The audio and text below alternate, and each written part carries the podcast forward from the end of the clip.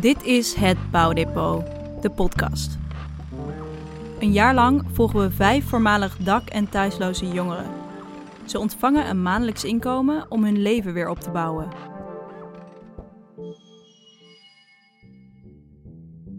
Welkom bij deze speciale aflevering, waarin je dit keer niet de jongeren, maar een interview hoort met staatssecretaris Paul Blokhuis van het ministerie van Volksgezondheid, Welzijn en Sport. Blokhuis roept namelijk op tot onconventionele plannen rondom dak- en thuisloosheid. Hallo, nou, wij zijn van het uh, Bouwdepot Ja, uh, en we hebben een afspraak met meneer Blokhuis. prima. Heeft u een... eh, Manon van Hoekel, ontwerper van het Bouwdepot, en Jessie de Koker, journalist en schrijver van het project, staan bij de receptie van het ministerie. Ze hebben namelijk een afspraak met Paul Blokhuis. Ze gaan met hem in gesprek over het Bouwdepot, dat een van deze onconventionele projecten is. Door de steun vanuit het ministerie krijgen nu vijf extra jongeren een jaar lang een bouwbudget van 1050 euro per maand. Manon en Jessie spreken Blokhuis in zijn werkkamer. Aan de wand hangen allemaal foto's van dak- en thuisloze mensen, die hem, zo vertelt hij zelf, iedere dag herinneren waarom hij dit actieprogramma opzette. Wat zorgt er eigenlijk voor dat de staatssecretaris zo betrokken is bij deze mensen? Ik kom uit een gelovig gezin. Mijn, mijn vader was dominee in de, in de kerk. Trouwens, ik heb een tweelingbroer die is ook dominee. Die heeft eigenlijk hetzelfde werk als ik, alleen hij doet in de kerk en ik doe het in het publieke leven. Gewoon een enthousiast verhaal vertellen. En wij zijn best wel snel ergens enthousiast voor te krijgen, zeker als we er heel erg achter staan. En in, in mijn opvoeding heb ik heel erg meegekregen, je moet voor je medemens klaarstaan. En dat elk mens, uh, welke leeftijd ook, uh, een plek verdient. En het verdient om zijn talenten te kunnen ontwikkelen of haar talenten. En uh, dat is ook de rode draad in al mijn werk wat ik hier doe bij VWS. Uh, iedereen verdient, verdient een plek. En iedereen moet kunnen meedoen. Die slogan die gebruik ik heel vaak. Iedereen moet kunnen meedoen. Ja, zeker mensen in een kwetsbare positie en zeker jongeren. Ja, dat gaat me naar de strot, joh. Als ik gewoon getalenteerde mensen zie die door shit in hun jeugd of door eigen stommiteiten, maar vaak is het gewoon een hele samenloop van dingen. Als ik zie dat ze daardoor kansen gemist hebben en zelfs uh, op straat geschopt, letterlijk. Uh, gewoon door allerlei factoren waar ze zelf eigenlijk niks aan kunnen doen, op straat zijn beland. En allemaal verstoorde relaties. Ja, dat grijpt me heel erg naar de strot. Ik heb zelf ook kinderen. En ik projecteer het ook op mijn eigen kinderen. Van oké, stel je voor dat een van mijn kinderen dat zou overkomen. Dat. Uh, dat maakt mij heel erg gemotiveerd om op te komen voor zo'n kwetsbare groep. en ik wil eigenlijk dat die kwetsbare groep juist een sterke groep wordt. Ik zeg van, potverdorie, we hebben ook uh, talenten. En wij doen het toe, en we mogen er zijn. En wij, wij, moeten in Nederland een kans krijgen om ons talent te ontwikkelen. En daar wil ik, voor zover het in de macht van de overheid ligt, alles aan doen. Paul Blokhuis vertelt over het actieprogramma Dak- en Thuisloze Jongeren, dat begin 2019 startte. Hij werkt samen met gemeentes aan een aanpak om ervoor te zorgen dat jongeren altijd een dak boven hun hoofd hebben. En dat als ze in de opvang terechtkomen, dit van korte duur is. Hij stelt als doel dat eind 2021 er geen enkele jongere langer dan drie maanden in de opvang zit. Een ambitieus doel dat toch vragen oproept. Nou, ik, ik, vraag me meteen af, want u heeft het over niet langer dan drie maanden in de opvang. Ja. Ik zag in uw takenpakket staat ook preventie heel hoog uh, uh, bovenaan. Dat ja. proberen we ook met dit project om ons daarop te focussen. Uh, kan u daar iets over ja, vertellen? Is wel heel goed dat je dit zegt, Manon, trouwens. Want daar begint het natuurlijk wel mee. Eigenlijk wil je niet überhaupt al dat jongeren in opvang komen. Maar het sluitstuk is, want dat is meetbaar. Uh, als jongeren die in opvang zitten niet langer dan drie maanden er zitten, dan hebben we ons doel bereikt bij die gemeente. Maar uh, we hebben eigenlijk ons ultieme doel bereikt als jongeren überhaupt niet in opvang komen. Maar als jongeren woningzoekende zijn, dat we ze daarin faciliteren. En preventie is dan ook een hele belangrijke. Dat betekent ook dat uh, jongeren bijvoorbeeld die de jeugdzorg uh, intramurale, die in een instelling zitten, als die die verlaten, dat ze niet opeens denken van oké, en wat nu? Ik sta met een plunjebal op straat en een tas en, uh, en wat nu? En dat merken we nog te vaak, de overgang van 18 min, 18 plus, opeens uit de jeugdwet en daar sta je. En ik vind een paar dingen niet, ja, vind dat we uitgaan van foute veronderstellingen in Nederland, namelijk dat jongeren van 18 dat die zo volwassen zijn dat ze alles aan kunnen. Nou, ik heb zelf kinderen, zoals ik al zei. En uh, 18-jarigen zijn, kunnen onwijs bij de hand zijn en ook heel wijs. Maar om van te wachten dat ze de wereld aan kunnen, vind ik overvragen. Zelfs als ze in een heel harmonieus gezin opgroeien. Met uh, bak, zak, geldstudie en alles, uh, alles in een gespreid bedje. Dan nog is het overvragen. En zeker van jongeren die kansen hebben gemist, die ellende hebben meegemaakt. Bijvoorbeeld huiselijk geweld thuis, in de in de eh, jeugdzorg zitten, buiten hun eigen woning, of die in pleegzorg hebben gezeten. Daarvan verwachten ze we dat ze op hun achttiende opeens op eigen vleugels kunnen staan. En dat vind ik een irreële verwachting. En daar moeten we echt werk van maken dat jongeren daar veel beter op geprepareerd zijn. En daar werk van maken, dat doen we. We starten begin dit jaar met het bouwdepot. Manon legde uit wat dit precies inhoudt. We zitten hier dus voor het project het Bouwdepot. We zijn het gestart in samenwerking met Stichting Zwerfjongeren Nederland, uh, journalisten en ontwerpers. Uh, en eigenlijk uh, hebben gehoor gegeven aan uw oproep om met onconventionele plannen te komen. We focussen voor ons vooral op jongeren vanaf 18 jaar, omdat we zien uh, dat er een enorm gat is tussen 18 en 21 jaar. Uh, als je een bijstand uh, ontvangt, dan is die 255 euro. Um, en daardoor zien we dat jongeren in een enorm gat vallen, wat eigenlijk bijna niet meer te dichten is daarna. Um, en we dachten, hier wordt zoveel over gepraat, maar eigenlijk nog weinig gedaan. We gaan het gewoon proberen.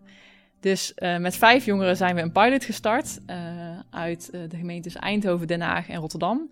En vijf van de jongeren krijgen een jaar lang 1050 euro. Dat is volgens het Nibud. Per maand, hè? Per maand. Ja.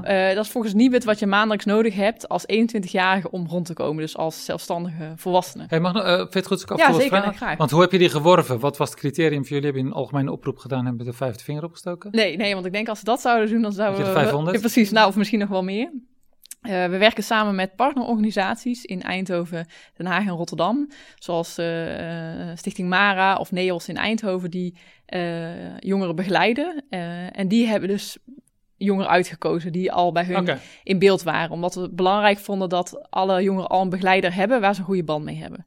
Omdat wij, wij zijn met een klein team, wij kunnen de jongeren niet de begeleiding Nee. geven. En daarnaast, wij zijn geen maatschappelijk werkers, dus wij hebben ook die expertise niet. Dus daarin werken we samen. Uh, dus zij kijken daarin waarvan denken wij dat die jongeren dit echt goed kunnen gebruiken en in die, dat jaar stappen kunnen maken. Tijdens de Bouwdepot Pilot zijn de ervaringen van de jongeren, Rami, Kira, Shaburni, Gino en Imen, leidend. Ze waren niet bij het gesprek met Blokhuis, maar we hebben hun ervaringen wel doorgegeven aan de staatssecretaris. Oh, ik ben Rami, ik ben 21 jaar. Het is fout gaan zeg maar, waardoor ik dakloos ben geworden. En sinds die tijd heb ik zeg maar, altijd in hetzelfde cirkeltje gezeten. Het is zeg maar, een kans die ik op dit moment krijg om verder te gaan met mijn leven. Ik ben Shaburni. De eerste maand heb ik meteen al bijna de helft meteen afgelost. Dus dat ging echt super snel, zoals ik al zei. Alleen ja, toen merkte ik wel van, oh ja, dan heb ik zelf geen geld meer voor mezelf over. Dus daar moest ik echt een balans in zien te vinden. Hoi, ik ben Gino. Meer geld haalt gewoon zoveel geld zorgen van je af. Vooral met uitkering, als ik de uitkering nou zou hebben, dan zou ik niet genoeg hebben om te leven. Dan zou ik 300 euro minder krijgen. Dat betekent dat ik mijn schulden niet had kunnen afbetalen. Nou, ik ben Kira. Ik kon voor de eerste keer uh, een, echt, ja, een eigen taak laten maken. Ja, ik hoefde niet uh, om mijn uh, vingers te tellen hoeveel geld ik nog had. Of ik kon echt gewoon letterlijk kiezen wat wil ik voor mijn verjaardag. Ik ben Imen.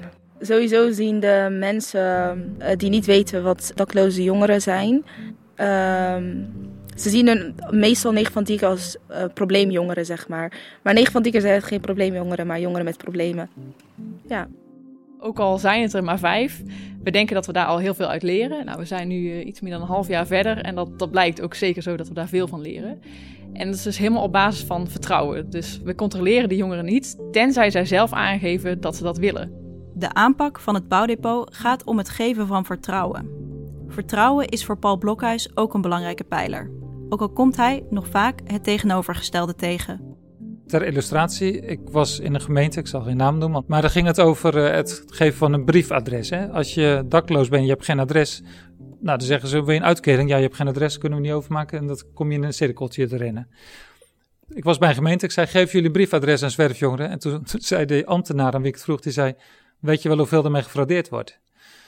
En toen werd ik best wel pissig. Ik zei, maar als, je, als dat je houding is om jongeren te helpen, dan moeten we niet verbaasd zijn als we straks 80.000 dak- thuisloos jongeren hebben. Als je alles doet vanuit wantrouwen en jongeren niet wil helpen. Tenminste, niet wil, maar met heel veel moeite helpen. Dus ga uit van vertrouwen en controleer zelf maar of, het, uh, of ze er de goede dingen mee doen. Hoe komt dat, denkt u, dat, dat, dat we zo uitgaan vanuit uh, fraude en zo willen controleren in plaats van beleid maken nou, op basis van vertrouwen. Kijk, uh, er zijn natuurlijk ook mensen die misbruik maken van vertrouwen. Uh, en even gewoon een heel, heel simpel voorbeeld in de toeslagenregeling in de, bij de Belastingdienst. Waar nu alle ellende met die ouders in de kinderopvang met toeslagen ontstaan is, is dat de mensen in Oost-Europa met bankpasjes liepen te wapperen van de ING. Jongens, Nederlands, eh, als, je daar, eh, als je daar zegt dat je je kinderen naar de kinderopvang hebt, dan krijg je een bak geld. Dus uh, allemaal in Nederland.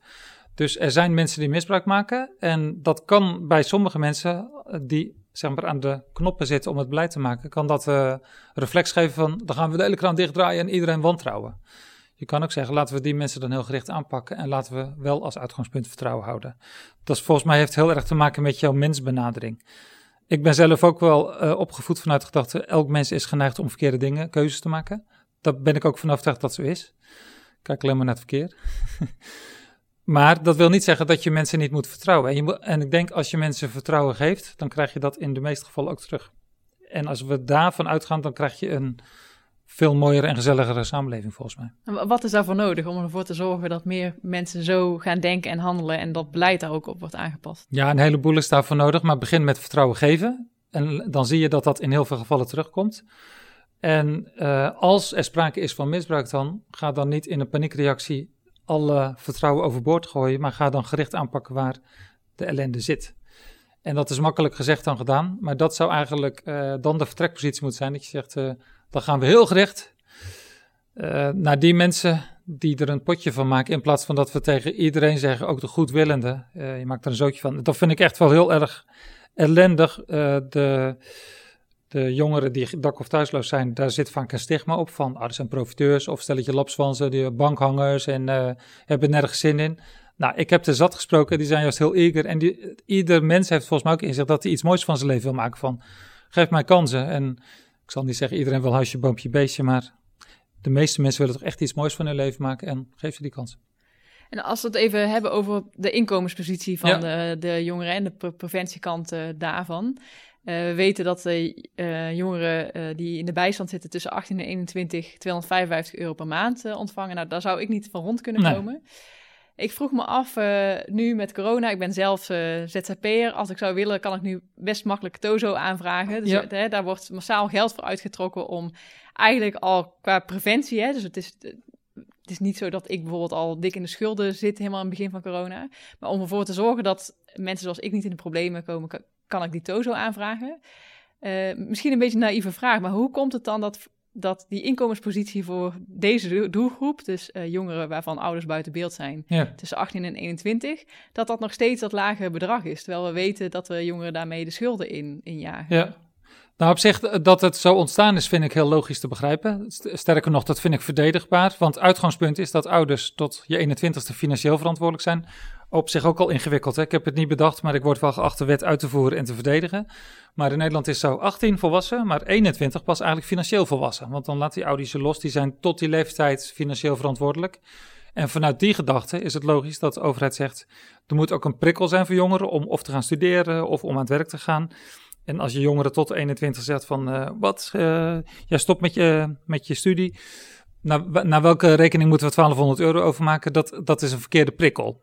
Maar die, de prikkelgedachte bij een lage bijstandsuitkering voor jongeren tot 21, die is ingegeven vanuit de gedachte, jongeren wonen bij hun ouders, of als ze al zelfstandig zijn, dan helpen die ouders financieel.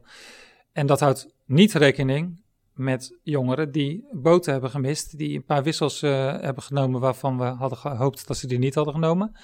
En die dus volstrekt niet uit kunnen met dat geld. Want nou, wat we, waar we het al over hadden, de huur. Uh, je kan nog ineens een kamer huren voor 250 euro. Uh, of je moet wel heel erg buitenkantje ergens in uh, ver weg is dan hebben.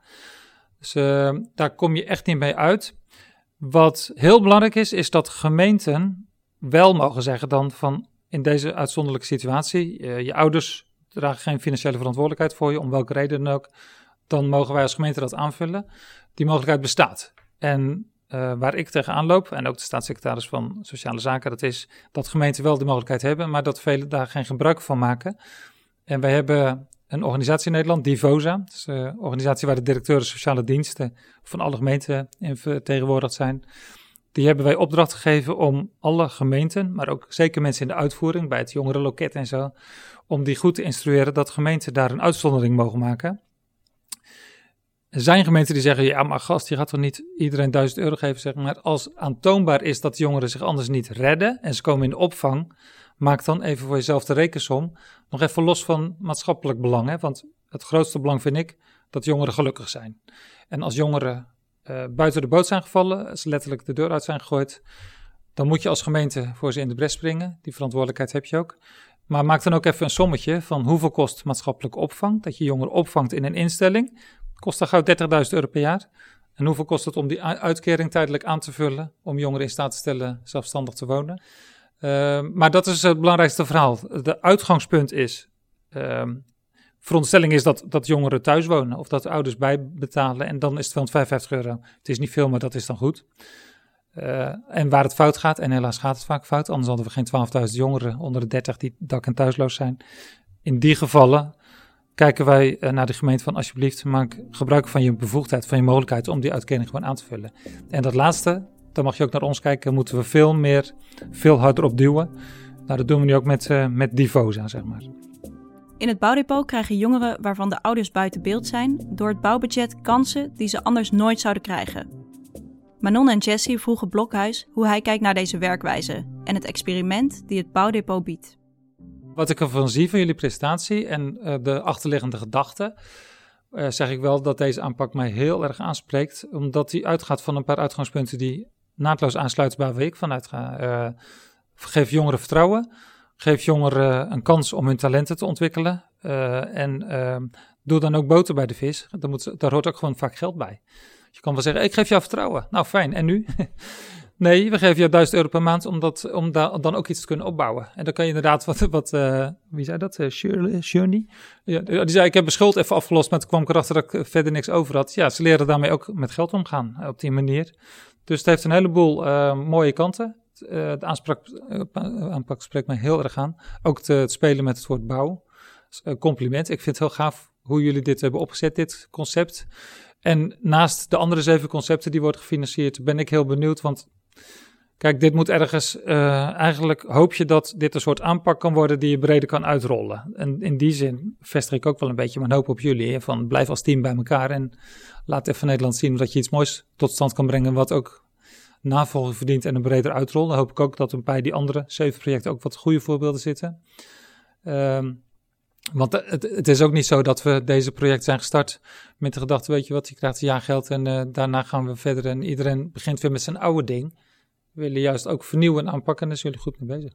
Heeft u nog tips voor ons? Van hoe, hoe kunnen we dit nou zo goed mogelijk aanpakken? Want hè, we hebben nu uh, uh, door financiering van, ja. vanuit u, vanuit VWS, hebben vijf nieuwe jongeren. We zijn nu in totaal maar tien, maar we willen natuurlijk volgend jaar 100 en het jaar daarop nog meer. En dat gemeentes dit gaan oppakken. Ja. Uh, hoe kunnen we dat volgens u het beste aanpakken? Nou, ehm, terecht noem je ook de gemeente. Want ik vind dat de gemeente. Kijk, gemeenten zijn verantwoordelijk voor de jeugdzorg, voor 18 min. En gemeenten zijn ook verantwoordelijk voor de wetmaatschappelijke ondersteuning. Dat is 18 plus hulpverlening, begeleiding en zo. Jongeren helpen uit bed komen als ze als ze helemaal geen ritme meer hebben en zo, of naar de dagbesteding. Maar ook uh, uh, huisvesting, uh, scholing, uitkeringen, allemaal verantwoordelijkheden van de gemeente. En ik denk dat gemeenten wel een belangrijke partner zijn, ook bij dit type aanpak. Want heel simpel gezegd, als je zegt wij willen dit soort aanpak, en dat hoeft echt niet altijd met 1050 euro per maand. Maar je kan gewoon met gemeenten een soort business case maken van, joh, ehm, dit kosten wij per maand per jongere om ze goed op weg te helpen. En het zou mooi zijn als je met die vijf kunt aantonen dat ze ook echt stappen zetten. Dan heb je een goede track record en dan kan je zeggen van kijk, dit, dit bereiken wij. Die garantie heb je natuurlijk niet. Het kan zijn dat er drie de bocht uitvliegen en dat je met twee hele mooie resultaten hebt. Maar dan kan je wel zeggen, het kan heel goed werken. En dan kunnen gemeenten een business case maken. Zeggen van oké, okay, maatschappelijk opvang kost dit. Jullie aanpak kost dat. We gaan dat breder uitrollen. En dan niet alleen de VWS gefinancierd, maar ook gemeenten. De kansen liggen volgens Paul Blokhuis bij de gemeente. We willen graag in gesprek met verschillende gemeentes om uit te zoeken waar die kansen, maar misschien ook de belemmeringen precies liggen. Werk je toevallig bij de gemeente en ben je geïnteresseerd in het bouwdepot? Neem dan vooral contact met ons op. En luister je nou voor de eerste keer naar de Bouwdepot podcast? Je meldt je eenvoudig aan voor ons WhatsApp-kanaal door een WhatsApp-bericht te sturen naar ons telefoonnummer 06 82 18 63 12. Zo krijg je iedere maand automatisch de nieuwste aflevering op je telefoon.